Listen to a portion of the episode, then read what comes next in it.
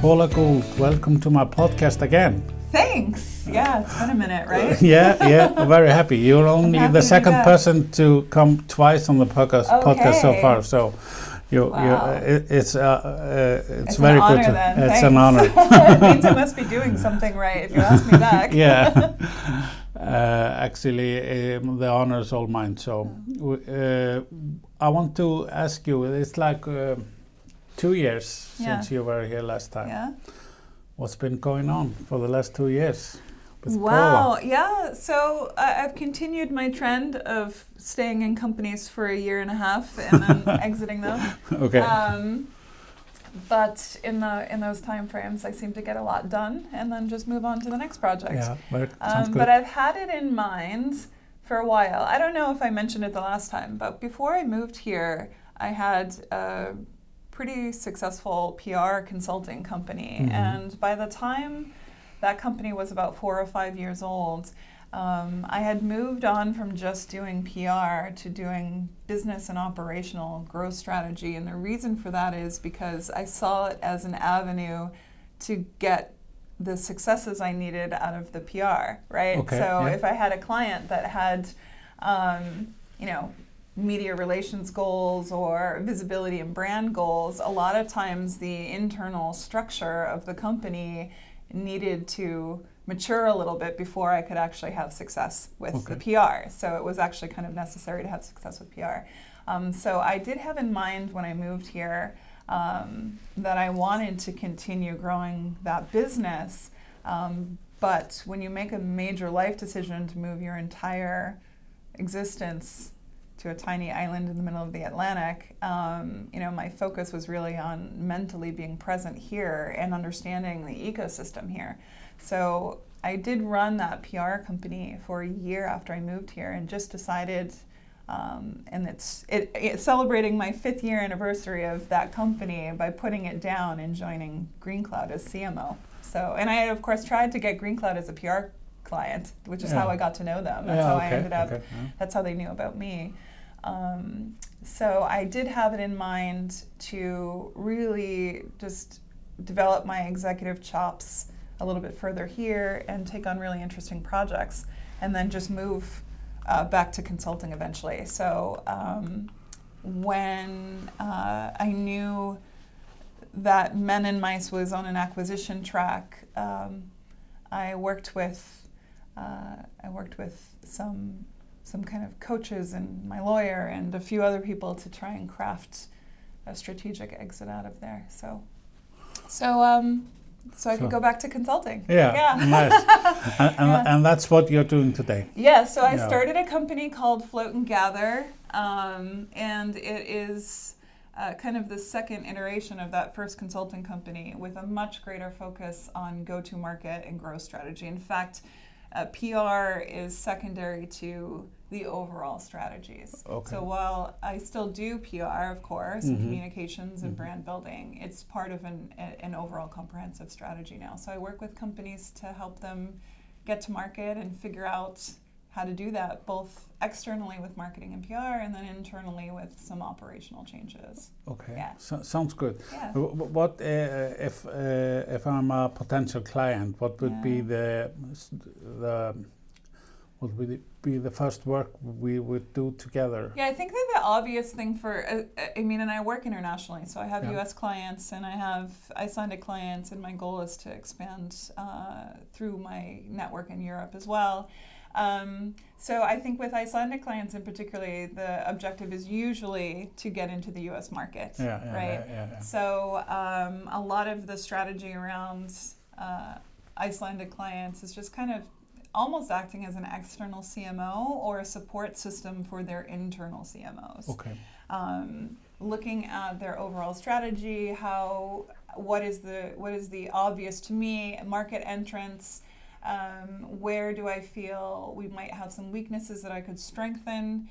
Um, and also just core relationship building. So if you know that you're going to have to go for a second round of funding, Mhm. um, you need to start building that investor relations program immediately. Yeah, yeah, yeah. right? Because you don't go looking for investors. You don't go looking to talk to investors when you actually need them. You No. you build the relationship Yeah, yeah. beforehand.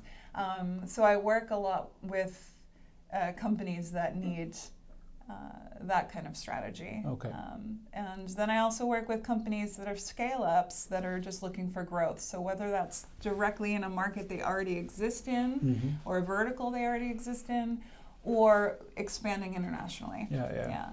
So, uh, how has the have you been uh, been welcomed? Uh, this service has it been welcomed in Iceland? Yeah, yeah, I mean, I had clients before I actually launched the, the company, Of so course. it was uh, it was a lot easier to um, to just go forth on that adventure when Mm. I knew that there was people waiting to work with me. A few of them, especially in the states, are uh, entrepreneurs or companies that I've worked with previously. Uh, one was a actually two of them were clients of my PR firm, um, and both of those uh, clients, those clients are in the arts. They, they, uh, I've worked with them on several projects. One of them I've known for 20 years, Okay. right? when we were both in the music industry Yeah, together. So yeah. that's also validating in a lot of Mhm. ways because you know uh, I remember when I was putting the company down, I, I it was almost like you know having a, a- a breakup with a with a your best friend or something. Yeah, you know, yeah, yeah. these these were people that I thoroughly enjoyed working with. Mhm. Um, so I was really happy to pick back up with them again Okay. in some capacity or another. Yeah. Sounds good. yeah. Uh, we are. Uh, this interview is in Friday, March 13th, with all the coronavirus and Yeah. uh, and earthquake day before yesterday. Which is and funny because Friday the 13th is supposed to be the bad day. Yeah, Today yeah. seems to be going quite well. yeah, so far so good. Yeah. uh, how is you know the like we say in Icelandic, how is the sound in the companies? Yeah, I mean, everyone's nervous. I'm nervous. Mhm. Um, you know, the interesting thing about down economies is that people tend to hire consultants. yeah. So, um, you know, but the, the downside of that is that the result of consultants getting hired is that internally they lay off people. Yeah. Um, so that's always hard. Uh, I actually think that it would make more sense for companies before they make those decisions to bring in consultants that can help them strategize that process. Um, because a lot of times operationally you just react in a kind of a knee jerk way. Um, so there are ways for you to uh, still work with your core team who you value and also, you know, offset uh, whatever limits you have in that respect by hiring consultants. Um, additionally, you know, it slows the sales cycle. I, I- went through this with my own company uh, in the 2008 crash. Um, it didn't hit my company until 2010, um, but I, you know, I'm, I'm scrappy and I can hustle. So the, the my solution to dealing with the impending economic uh, backlash was to put more hours into the existing contracts I had, thereby reducing the Mhm. hourly rate, so they got more of the, out of what they were paying for. Um, and then the other solution was to cut the contract length. So, and that's for two reasons. One, because uh, as a consultant, you want to make sure that you're accounting for your hours properly um, and financially accounting for Mhm. those hours. So, if you are empathetic to what the companies are going through and you work with them at a reduced rate for you know between three to six months instead of six months to 12 months then you can guide them through a co- you know an economic course correction Mhm. while also retaining clients Yeah, yeah, yeah. so I mean, to me, it's just common sense. Um, so I'll be doing that, um, especially here in Iceland. I think where where there is uh, a, minor difference between how people hire outside services. Um, it's I think it's relatively new here Mhm. uh, in that sense. You know, the hiring support service ex- externally. It's a it's a strategic way to grow. Um, so you hire the services you need for the period of time you need them, and then inevitably hire in house um, going forward.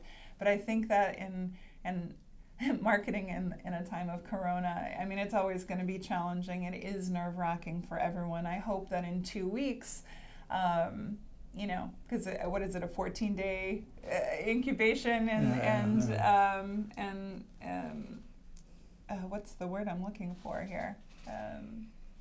When you're when you're put into the quarantine is the word I was looking yeah, for. yeah. Sorry, it's a quarantine period. So Yeah. um, you know, hopefully on the other side of this, everyone will be kind of back up and running. But there there will be economic backlash, and I think that it's important for all of us to work together um, to to get through it. And so that means uh, finding different ways to consult. Yeah. Okay.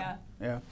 Yeah. If we go back to float and gather, Yeah. uh, uh, I can see on your website you uh, mentioned some clients you have been working with.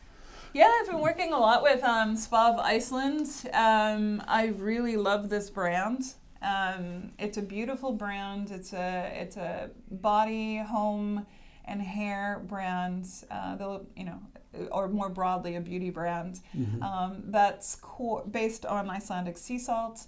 Um, Fiola and Haraldur have 40 years of experience as entrepreneurs. I can't even tell you what it's like to switch from working with first-time CEOs or um, or you know maybe second-time founders and move to working with you know two people who have 40 years of experience in their market segment. Mhm. Um, uh, and it's a beautiful brand. They have 14 products on the market right now. They'll be expanding uh, to several more between uh, the fall and and the first half of 2021. Mhm. Um, and they've been really smart in their approach to market. They uh, they knew locally um, that sales would do really well in traditional um, retail Mhm. here, right? Yeah. So um, they have a high design brand with a premium product,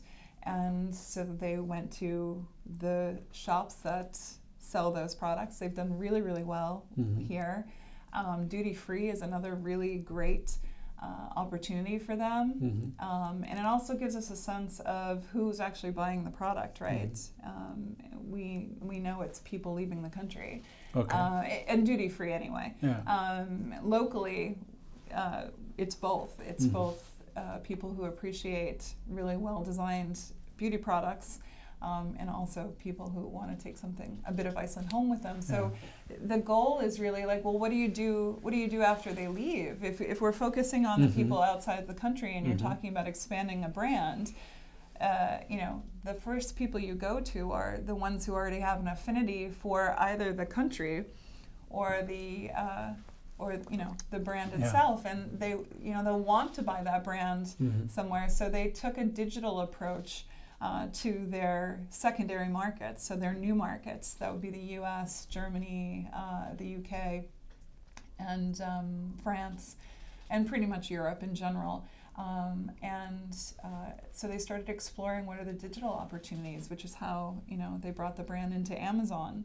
Okay. Um, brilliant move Mhm. um, you know, because people in the states, and particularly, uh, you know, they do shop in high-end retail, and that is a, a another focus, of course, for Spa of Iceland. But um, you know, just being digitally available to people who have established a you know Yeah. a relationship.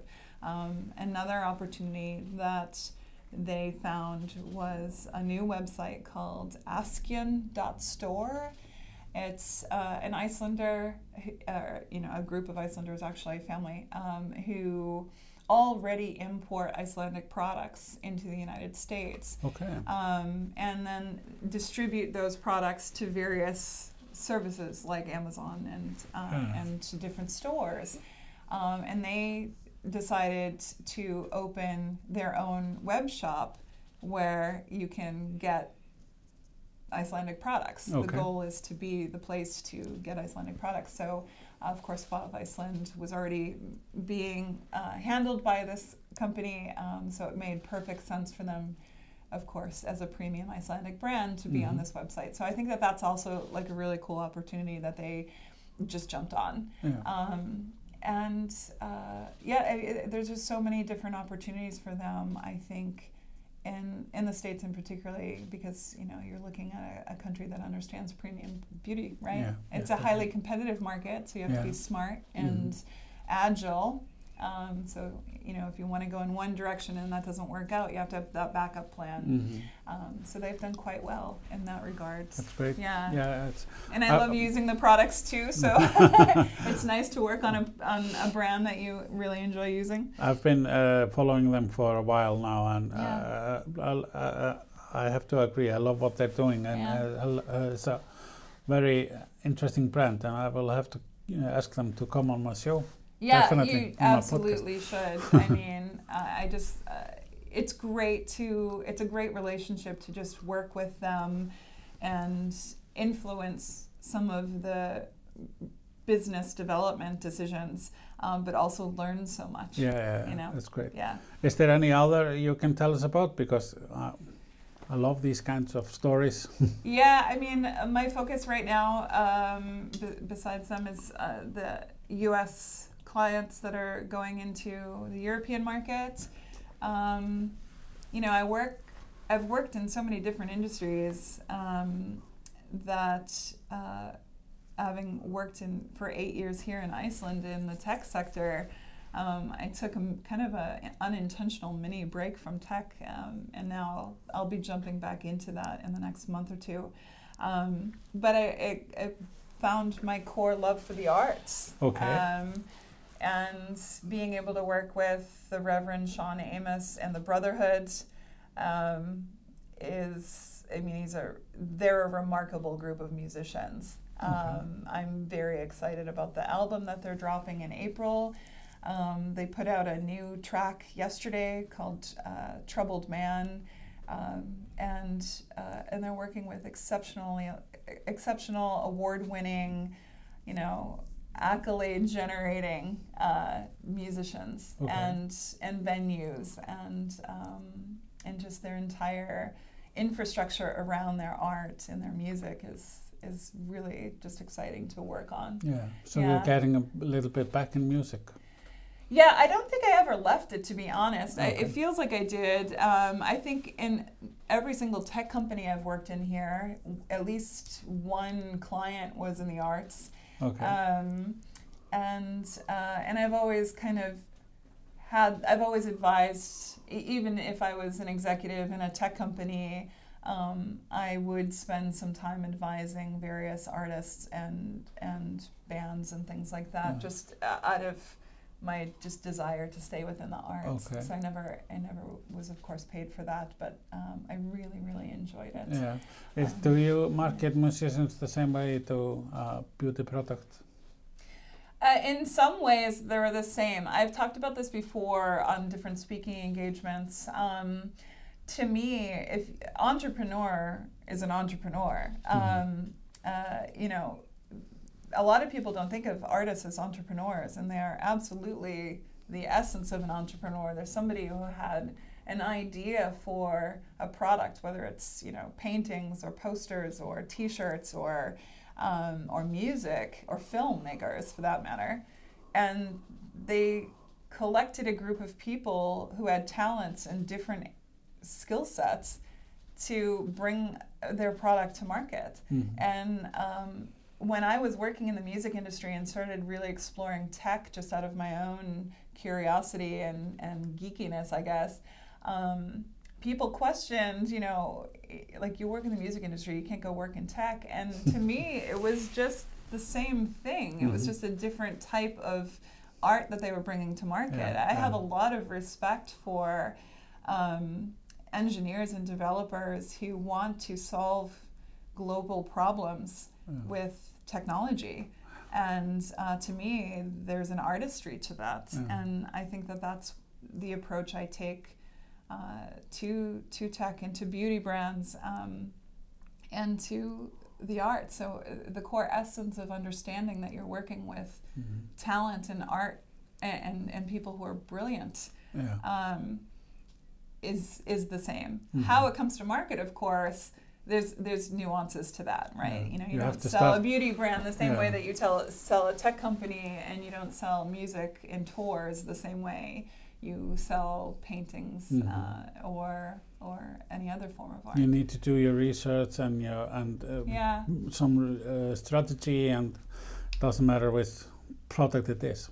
It doesn't. Yeah, I mean, I, I mean, there there are core principles to marketing and brand Mhm. development. Um, you have to know, you have to think about how, like, why did you make this? What Yeah. what sparked you to paint that or to uh, solve a technology solution? Yeah, or Mhm. bring a technology technology solution that solves a problem, and you have to think about that from the perspective of, you know, if you feel this way, if any, if anything, social media has told us over the last decade and a half that there are other people like you, right? Yeah, you yeah, know, like that was one of the core principles um, that that drove the success of social media in the early 2000s was that people were able to discover that they weren't isolated and alone, Mhm. and there were people who had similar thoughts and ideas and interests. Mhm. And so when you're bringing something to market now, um, and you're thinking about who your first customers are, think about the problem that you solved for yourself and why you built the thing in the 1st Mhm. place. Mhm. Um, and and then you can really understand how what your first steps of go to market are, Mhm. right? Like find the people who are, who have the same pain point that you have that Yeah. you wanted to solve, um, and and bring it to their attention. Yeah. And of course, there are a lot of different mechanical aspects to marketing, right? Are you going to do more digital? Um, Mhm. Are events still the more critical? Mhm. I think that we learned these last couple of months, especially with Corona, and, and, and in particularly this last week where every country is shutting itself down. Mm. Um, digital is really the the essence of most uh, programs. But in in digital, what is it? Are are you connecting socially to people through technology, or are you um, advertising to them? Right, Mhm. like it, so you have to understand are you going to is google adwords going to be the direction that you should take or are sponsored posts on instagram twitter and facebook the right direction for Mhm. you Yeah. and um, or linkedin for that matter if you're a Yeah. b2b platform um, i really still i think i did this a couple of years ago and i say it at every speaking engagement iceland needs to jump on linkedin in a compelling way Yeah. um, not only from the perspective of getting people to understand who you are and what you do, but to build relationships. Yeah. So, yeah. So there's, I think there's there's been a, a big change in that in the last year or so. In there in have been, yeah. I mean, okay, so a couple of years ago when I was doing the Nordic Startup Awards, I had this really like awkward um, speaking uh, flub where I looked at all of the the, um, the people who were you know who I was going to be introducing. I was emceeing the event and I was looking at the people I was going to be introducing, who were all executives from, or founders from various companies here. And in the states, of course, when you introduce somebody here, it's a lot more informal. You know, it's it's uh, you you operate with the understanding that people in the audience probably know who the next person is, and usually on a first name basis. But in the states, and you know, most of my speaking engagements have been in the states. Um, you are more formal. You introduce them, you give the title, and you give the company. So I just scurried on to LinkedIn and looked up everyone's titles, and I think there were like four or five different speakers who I introduced, and they're like, "Yeah, I haven't been at that company in three years." Yeah. And so I just, I, you know, I felt bad. I should have, I, I should have maybe given myself more time to actually speak with them. But at the same time, I was actually really surprised because every single one of those executives do business internationally. Yeah. Like, and and I was like, you you guys all have to, um, you know, step it up and update your LinkedIn's. Yeah. yeah. so that people don't have to wait and try and find you to ask you a question they just already Yeah. know. Um, There's yeah. a, a lot less noise there as well, I think, because I've been doing this podcast for over three years now, Yeah. and I meet people that uh, I have uh, friends on Facebook for years, and they have no idea. If Yeah. I meet uh, someone that is connected me on LinkedIn, Yeah. they know everything about it. Yeah. So Yeah. yeah. Yeah, I mean, LinkedIn, it, it, like any other social media platform, it has its issues. You know, I have been, because I've worked in venture capital and I've worked with startups for a long time, um, uh, I always get these, and of course, I've, I've been in three companies in Iceland alone that have, have been acquired, and, and that's in addition to the companies I worked with in the States that were acquired. Um, so my LinkedIn, for some reason, attracts all of the we have an investment opportunity for you and Yeah. so that's a little frustrating but they're easy to ignore right Yeah, just yeah. like just like you know troll comments on instagram or facebook are easy to ignore um, so there you know you do with every social media platform you do have have there are nuances to it Of course. again but um, I do think that the opportunities there are also really great. I mean, if you are smart in the way that you contact people and you're thoughtful and researched when you do so, um, you can have success there. I mean, Yeah. I have a pretty significantly high success rate on cold messages to Yeah. people. But the reason for that is because I've done the work beforehand, before Mhm, they get mhm. the message. Yeah. You know, I, I don't, I, I get a lot of inbound messages that say, Dear Paula, we, uh, you know, it seems that we have a lot in common. Um, I would really like to connect on LinkedIn with no indication of what they feel they have in common with me. No. And Mm. so I ignore those messages. Yeah, of course. Um, but if I see somebody at a company who I feel would do well to be introduced to maybe somebody Yeah. else I know, Yeah. I, I guess it's the online version of what I already do offline. Like if Mhm. I know you and we're talking about a particular topic, and I'm like, you know who you should know. Um, if you take that same approach to LinkedIn, I think Mhm. that, or any social media, really, I think that you um, you can have a lot of success there. So, Yeah, especially in, in this time where we aren't allowed to to, to be Meet and in the same room as each other. Yeah, Yeah, yeah, yeah, it is really important. Yeah. What do you see about? Uh, what do you think about the future, uh, like for your company here in Iceland, and and like just the startup companies? Yeah, as well I mean, my Iceland? goal in starting this company was to not just work in Iceland. I really, I mean, when I was an in-house executive here um, at varying companies, my my focus was always external, right? Mhm. Um, and I think that that's probably why my Icelandic is still so bad because most of my conversations were uh, abroad, Mhm. right? In, in Europe and in the US and in some cases Asia. Um, but so it was a minor inconvenience to, you know, have difficult, uh, you know, or, or first grade level Icelandic Mhm. in conversations in, internally. Um, but um, um, so my goal has always been to just be international. I think that that's where my value is. Um, I think that since even a decade ago, when when um, you know the world is flat, was still not really viewed as it is today.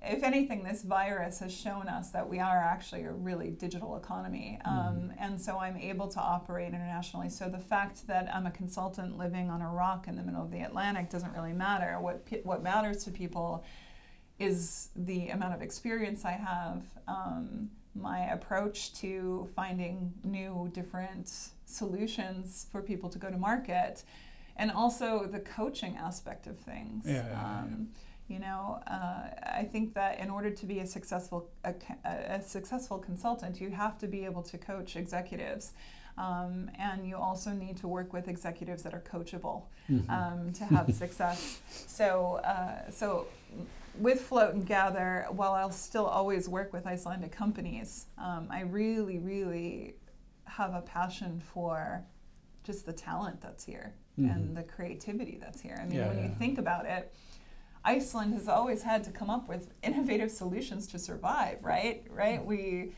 we have we're surrounded by rough seas. We have ridiculous weather patterns, Mhm. especially this winter. Yeah. Um, and so all of the companies that I've worked with here, whether in-house or on a consulting basis, have solved problems that are important. Yeah. You know, Mhm. you, you don't you don't have the Silicon Valley issue here that where you have underwear delivery services or um, or you know some other solution that speaks to a very uh, specific socioeconomic profile. Mhm. Um, so I will con- always continue to work with Icelandic companies. I just I just think that you know it's it's just a nation of it's a nation of really creative um, entrepreneurs who take amazing risks. Um, I think that the challenge actually I think that the challenge here right now is my specific area of expertise. It's that growth and go to market, right? So Mhm. you get funding here to get off the ground and to get your product tested. I think that uh, Air Invest just did an article Mhm. about this two days ago. I was thrilled to see it because I've, I've spoken to them previously about the challenges in this market and as well as other VCs here about this specific thing is, you know, okay, you got your initial funding and then what? Yeah. you know um, if you don't build if there's no round b funding here or not enough round b funding here Mhm. um, don't wait until you need round b funding Mhm. To, Start to start to start reaching out to sweden or finland or the us Mhm. for funding, right? Yeah, So yeah. that's where I come in handy is Yeah, that I have those relationships already, but also um, I can show you how to build those Mhm. relationships. Um, I think that the misnomer here in Iceland is that, you know, if you hire this consultant, you know, because they have the contacts at these various VCs and investors, that the investors are going to turn around and Mhm. automatically invest in you. That's just not how it works Yeah. but knowing those investors um, and knowing how different markets work is helpful for strategizing how to make you visible to those people. So that's my Yeah. core, my core uh, value, I guess, in this market, and a, and a much needed one. If, Yeah. if yeah, I saw on LinkedIn this morning uh, Icelandic CMO wrote, uh, "Don't start learn to swim when you're in the pool already. You should learn before." yeah, and and I think that uh, you know to stand up for my fellow CMOs, whether they're in-house or external consultants, uh, I think that boards and um, and just other C-suite colleagues uh, need to hear what their what their marketers are telling them. yeah, yeah. Um, you know, there's a lot of really talented marketers here. I don't think that there's a lot of international marketers here. Mhm. Um, I think that that is a core problem, and I think Yeah. that that's where me and other people like me who have deep international experience come come to uh, come in handy. Um, but there are I've worked with exceptional marketers here, and um, I think that I think that where they're running into issues is that um, you know you can't go into an international market and just have one marketing person No. and uh, you know so they're managing the external agencies they have no team they're doing all the copywriting in a Mm. lot of cases they're they're handling hr function which blows my Yeah. mind Yeah. um, and they're not sales and i think that i think that there is a misnomer in iceland in particularly and this is also true of other startup markets but in iceland in particularly that sales and marketing are the same thing and they're not marketing's function is to deliver qualified leads to sales and it's sales job to close them Mhm. um, and those two functions need to work together instead of in competition. I mean, there's Mm. always push between sales and marketing. Yeah, there's yeah. there needs to be some tension there, but um, you know, it, it, there is a, a lack of sophistication in a lot of ways to understanding how marketing and sales operations work. And I think if we started listening to our marketers um, and listen to our salespeople and understand and start to understand the difference between those two functions, I think that, that you'd see a lot more success in Icelandic companies. Uh, unfortunately, a lot of them also just lift off the island too late. Yeah. yeah. Um, that's another thing. Like everyone wants to stay here. I, I- think everyone says it's cozy to stay here, Mhm. right? Yeah. Mhm. Um, and, and really, um, if you've just received funding and you're object in you know and you were given that funding because you have these big international growth plans get off the island right away i mean one of the things i always talk about is any of the in-house jobs that i've had here as a, especially as a cmo i fully expected that i would be shipped off somewhere Yeah. And i never was and um, and you know that that's an issue Yeah. and that that role not that person necessarily, but that role needs to go where the market growth is. Mhm. And they need to build their team in that market. Mhm. Um, and I think that there's a lot of fear of letting go um, that, you know, you just, I mean, if I can be frank, you just got to get over it. Yeah.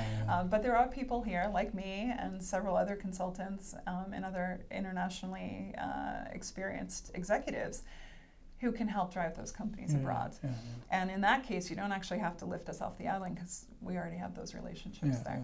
Um, so uh, you Another can thing I- retain a little bit more control. Another thing I have uh, related to this that I have seen a lot and was uh, talked a little bit on in ÍMARK Day last week. Uh, Mark Ritson yeah, talked about yeah, it yeah. as short-term uh, marketing strategies that you're only looking for like three or six months. And most CMOs, if you ask them what you're going to do in three years or something, they have no idea. Yeah, so what's interesting about that, I had a, back when I was working at GreenQloud, um, I was talking to Eiki Hrafnsson, who of course was one of the founders, um, uh, and I hope I hope at some point I can work with and Tryggvi again. They were they're just remarkable founders and just brilliant entrepreneurs. Mhm. Um, but one of the things, you know, when we ever had conflict around the marketing efforts, um, you know, I had that American anxiety of needing to think things through and have a plan. And, you know, they would kind of rib me a little bit about, like, you know, we would make a, a decision 20 minutes before we needed to, to do something. Um, so there was, uh, you know, tension around that, but a positive tension that ended up being beneficial to the, to the company. But one thing that Eiki said to me one day was, you know what it is? You're thinking about this company from the perspective of where it's going to be next year, the year after, in five years from now. In Iceland, we think about things about next week or next Yeah. month Mhm. or even three months from now. And that's where the tension is, Mhm. right? And um, and I think it's gr- I, I think that trend of short-term thinking and short-term strategy comes from a very real history of you know having a lot of factors outside of our control, right? Yeah. Like if you think about how much fish we got on a Mhm. particular expedition, it was based on Yeah. you know variables that Mhm. we didn't have control over so we Yeah. had to think in the short term we had Yeah. to kind of also like in tourism just like money grab right Mhm. like all the tourists we're trendy all the tourists are coming let's grab it while it's here yeah. um, and unfortunately I, I mean i think that there's still some necessity to that but uh, you know especially now that the economy is going to take a, a nosedive but um, you do always have to think about navigating the, the hard moments and not just look at it from like let's have the success right here in these three to six months and then you know something bad's going to happen. And then we'll start over. Instead what you should be doing is like how can we capitalize on the opportunity that's right in front of us to help us get past the hurdle of whatever you know whatever problems are going to come down the Mhm. pipeline Yeah. so that we come out the other side and and are you know are surviving and i think you know with my own strategy on how i'm adding hours to different retainers uh, you know to lower the monthly costs um, to, to lend additional value or uh, in in the in the coming months doing shorter contracts to help not only the company's course correct but to make sure that i have you know projects that i'm working on um, like those are short-term strategies, but with a longer-term vision for for what you, we want to accomplish, right? Right. So I think that it's it is really important to to just have a short-term strategy, Mhm. but only in the context of the longer-term goals. yeah, yeah. Um, you know, there's always, no matter what industry you're in, there's always going to be variables Mhm. um, and uh, and you you really do have to try to plan for them. Like stunting is a very uh, very common practice here in Iceland. When a company goes abroad, they always want to do a PR stunt, Yeah. and uh, I roll my eyes to that because PR stunts are only effective if they have a long-term strategy behind them.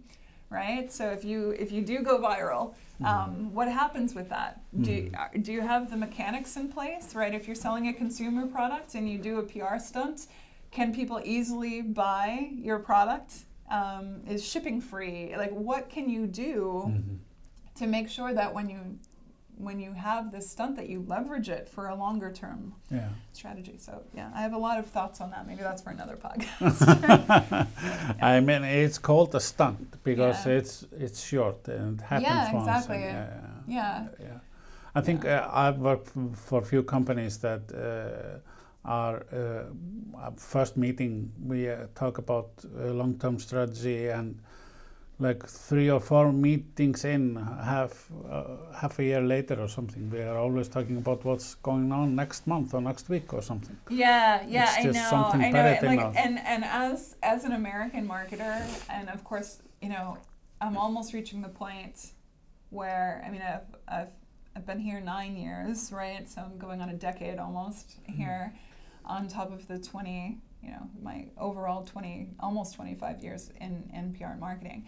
Um, you know, I, I don't know why I still call myself an American marketer since I haven't lived there in a decade, but of course, like I am, a lot of my work is still US facing. Um, but I, I've retained that anxiety of, you know, like we have to think beyond next month Yeah, and yeah. next week. Mhm. Um, we need to make longer term decisions and commitments and just take that risk. Mhm. And um, a lot of companies here, uh, Men and Mice uh, in particularly, uh, followed through on some of those longer term thinking. But that's a company that's been in business for 30 years. They're celebrating their 30th anniversary this year, right? So um, they know how to navigate uh, both lucrative times and challenging times Yeah, yeah. Um, and there's something to, to be learned from that. There are other founders who uh, started companies that you know they were essentially acqui-hires, right? They had maybe five or ten employees before a U.S. company bought them. So their next challenge is to figure out how do we grow from there? How do I really grow a company and not just be an acqui-hire, be a company that is is purchased for millions and millions of dollars, if not a billion dollars, right? The billion dollar number, um, and and really make a compelling, you know, company that's going to have huge value to their shareholders uh, Mhm. and and their employees. You know, anyone who has equity in the Mhm. company, um, and I I do think that that takes long term planning. Yeah, Yeah. definitely. Yeah, but I also think that one thing that's really great about Icelanders and, and the Icelandic startup ecosystem is that they are able to actually see opportunities and seize them because they're used to needing to do that, right? Yeah, yeah. Um, so the next step is to really figure out how to leverage that in a way that's that's Mhm. going to facilitate long term growth. Mhm. Yeah. If you have any um, advice for companies uh, today uh, when this gets in the air, like mid uh, or late March, Yeah. uh, then when we have had the corona for a few weeks and, uh, and the, the longer term economic impact Yeah. from that.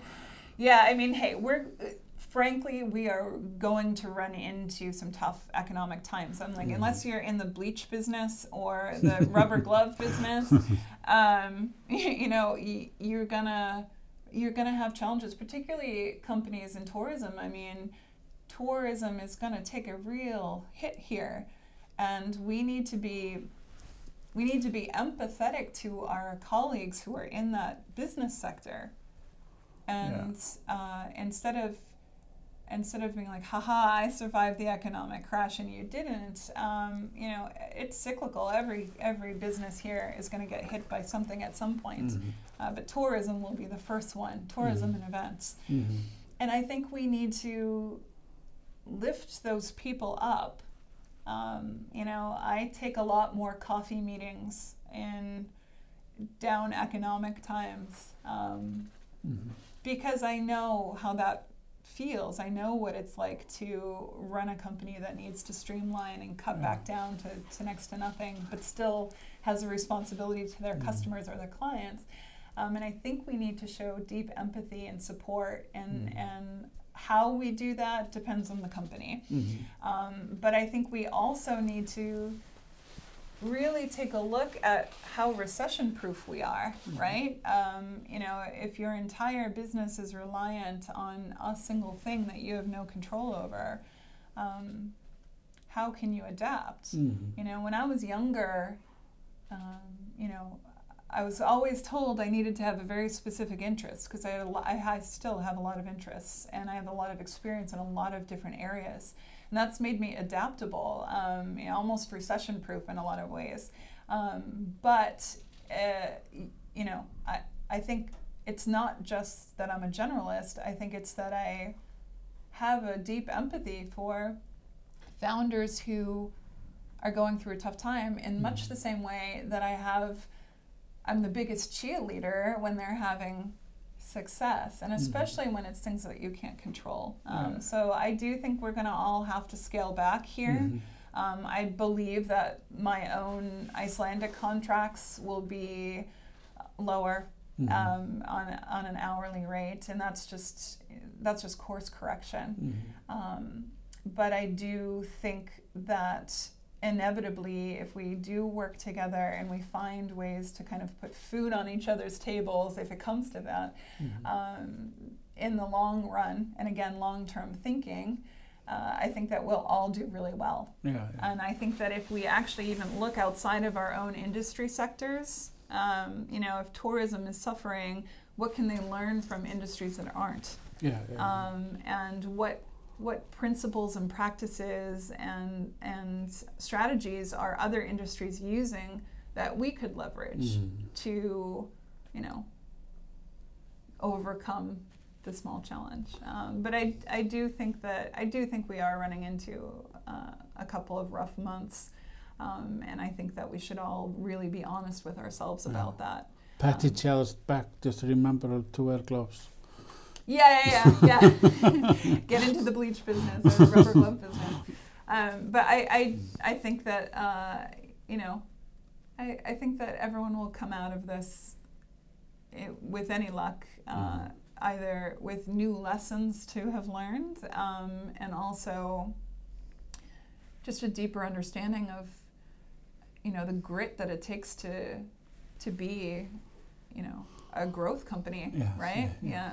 Definitely. Yeah, but I, I am I am concerned for a lot of different companies. Yeah. Um, I'm also very concerned just for the tourism sector in Iceland in general. Um, I think it's going to take influence from the government, influence from the investment community, and uh, and just working together somehow to to help rebound or at least go in a different direction. You Yeah, know, yeah. find a different opportunity, maybe. Yeah.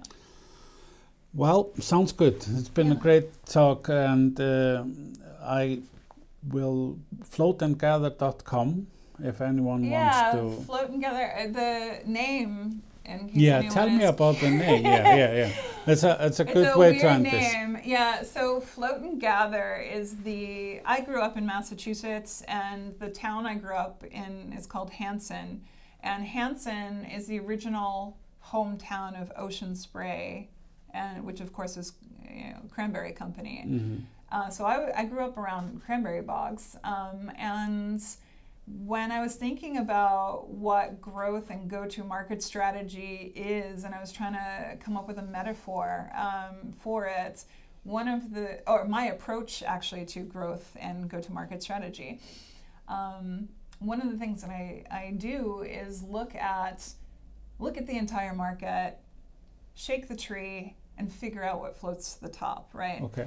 And so that's actually the harvesting mechanism for harvesting cranberries. Mhm. So cr- the cranberry vine is much like uh, krakabær hmm or, or the bilberries, Mhm. you know, the, the Icelandic blueberries. It's Mhm. that low vine, um, and it's very hard to scoop the fruit from. So if you flood the bog and shake the vines, the berries float to the top. Uh, so float and gather is about shaking the vine and okay, seeing what floats to the top. Yeah. great story. Thanks. uh, floatandgather.com people can uh, uh, have and, and maybe uh, get in tou- touch with you in LinkedIn as well. if- yeah, it's if, uh, easiest for uh, companies, of course, in Reykjavik. Yeah, I'm yeah. around. I'm easy to find. Yeah. Um, but uh, yeah, it'd be really great to see uh, to see what people's plans are and, and how I might be able to help, and also, uh, you know, just leveraging my network to uh, to help companies here grow. Yeah. Sounds good. Thanks a lot. Yeah. Thanks. Thanks for having me back. Thank you.